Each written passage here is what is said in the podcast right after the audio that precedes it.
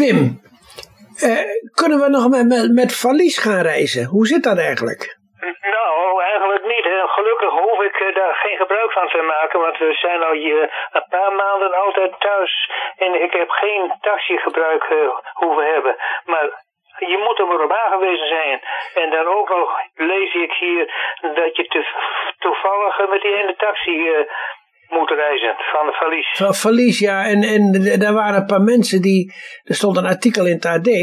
waren een paar mensen met kerstmis. Eh, van Alphen aan de Rijn naar Amsterdam gegaan voor een familiediner. En die werden op terugweg. werden ze eh, samen met, met eh, totaal acht passagiers in de busje gestopt. Ja. En, en toen kregen ze corona. Dan vraag je er eigenlijk op. Dan zou je eigenlijk moeten zeggen, uh, ik stap er niet in. Ik blijf buiten staan totdat er een nieuwe taxi komt. Ja. mans moet er wel zijn, wil je de regels goed in acht nemen. Er zit niks anders op. Dus als je meegaat, dan ben je mede slachtoffer. Ja, nou, nu is even de vraag van... Is het nou van dat taxibedrijf eh, niet juist? Of zijn de regels niet juist? Want eh, zoals ook in het AD stond... Uh, het taxibedrijf zegt eigenlijk van, uh, volgens de regels mogen we gewoon iedereen in de taxi hebben, uh, als ze maar mondkapjes dragen. Ja. En, en als ze geen mondkapjes kunnen dragen, ja, dan kunnen er maar vier in, in de taxi. Dus ja. Mensen die droegen wel mondkapjes. Denk ik. Ja, die droegen wel mondkapjes. Maar je, vraagt je dan ook af van, maak je je dan als Transvision die dat organiseert, je er niet wat al te gemakkelijk vanaf? Dat namelijk, uh, ja, de regel, volgens de regels mag het, dus doen we het.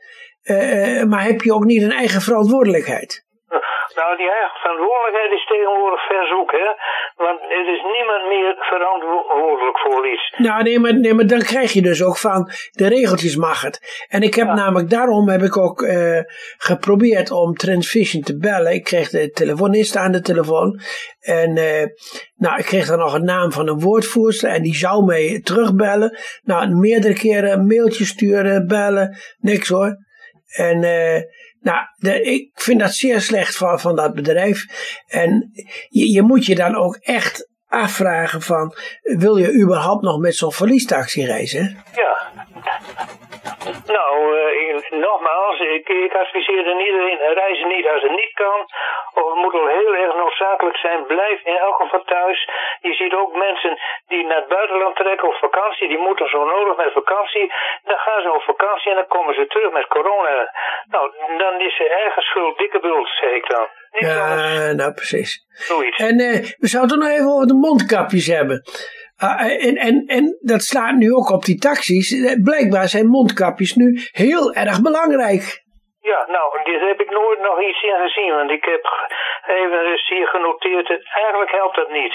In gevallen als jij uh, bijvoorbeeld van gisteren ben ik even bij de fysioloog geweest. En dan uh, heel dichtbij zo iemand eventjes met mijn mondkapje op. Om het gevaar te ontwijken dat je elkaar dus aanademt of met speeksel aan. Besproeit, ja, ja. Kijk, dan vind ik het zinvol. Maar als je gewoon, kijk gewoon eens even om je heen. Wat die mondkapje betreft, hoe mensen dus ook in de straten lopen. Nou, ze hebben niks. En een paar die ertussen loopt, ja, die, die, die heeft toch geen enkele zin natuurlijk. Want waarom zou je dan nog een mondkapje op doen? Nou ja, nee, maar buiten heeft het sowieso weinig zin.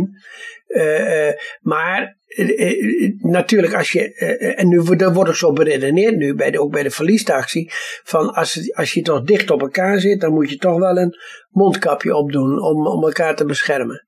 Ja, en, en, en dat blijkt ook wel weer, want dat hebben we in het verleden ook wel gezegd, van toen ze er nog niet waren, toen, toen werkte het niet. Ja. En, en toen ze er wel waren, toen werkte het wel, hè?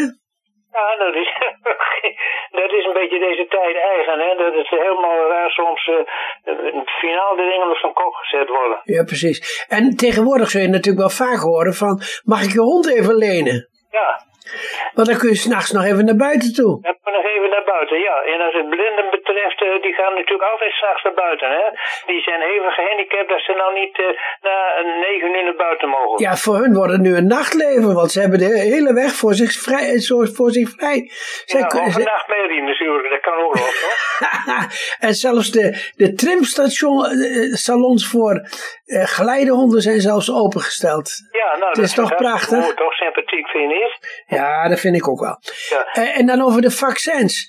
Ja, we, we hebben nu, uh, nou, zoetjes aan vier vaccins. En nou, die, die Pfizer, dat is natuurlijk een heel lastig vaccin. Dat moet je met min 70 graden bewaren en zo. Die is op zich al heel... Uh... Dat is heel, heel lastig. Maar ze hadden natuurlijk bij de Europese Unie van uh, Astra, hoe heet dat nou weer? AstraZeneca of zoiets. Ja. Die hadden ze heel veel van besteld. En, en de EU, die heeft namelijk netjes daarvoor betaald voor de ontwikkeling. Ja. En nu gaat Boris Johnson, die gaat er extra voor betalen en die gaat ze toepassen. Nou, zeker weten Israël ook, hè. Die hebben ook duur, denk ik, het dubbele betaald. En, wij zijn een beetje toch ingestonken, denk ik. Ook. Nou ja, goed, dat zal waarschijnlijk wel goed. Maar Boris Johnson die zegt straks van...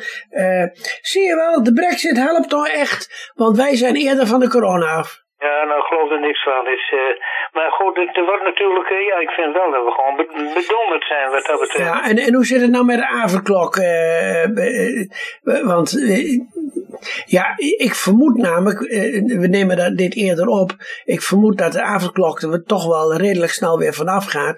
Want de overheid zal toch wel in haar paniek uh, toch wel erg geschrokken zijn van al die rellen overal. Want wat helpt het nou als er nou maar allemaal jongeren s'avonds op straat zijn en politieagenten?